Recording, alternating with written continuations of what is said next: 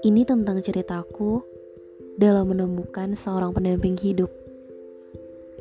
Sebelumnya, aku ingin berterima kasih pada Allah karena Ia telah mengirimkan seorang imam yang luar biasa. Laki-laki yang saat ini jadi suamiku adalah hadiah Allah yang amat kusyukuri. Bagiku, menikah adalah tentang berbagi kehidupan.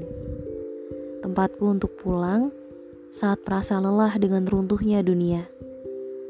Tempat saling mengisi kekosongan satu sama lain untuk sama-sama penuh dalam menjalani kehidupan.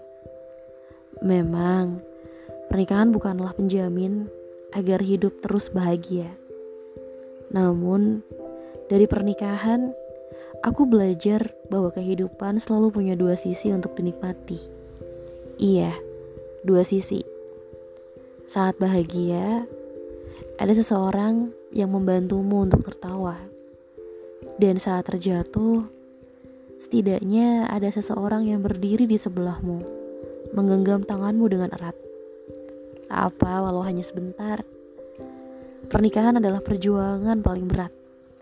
Ibadah terlama yang akan terjadi seumur hidup.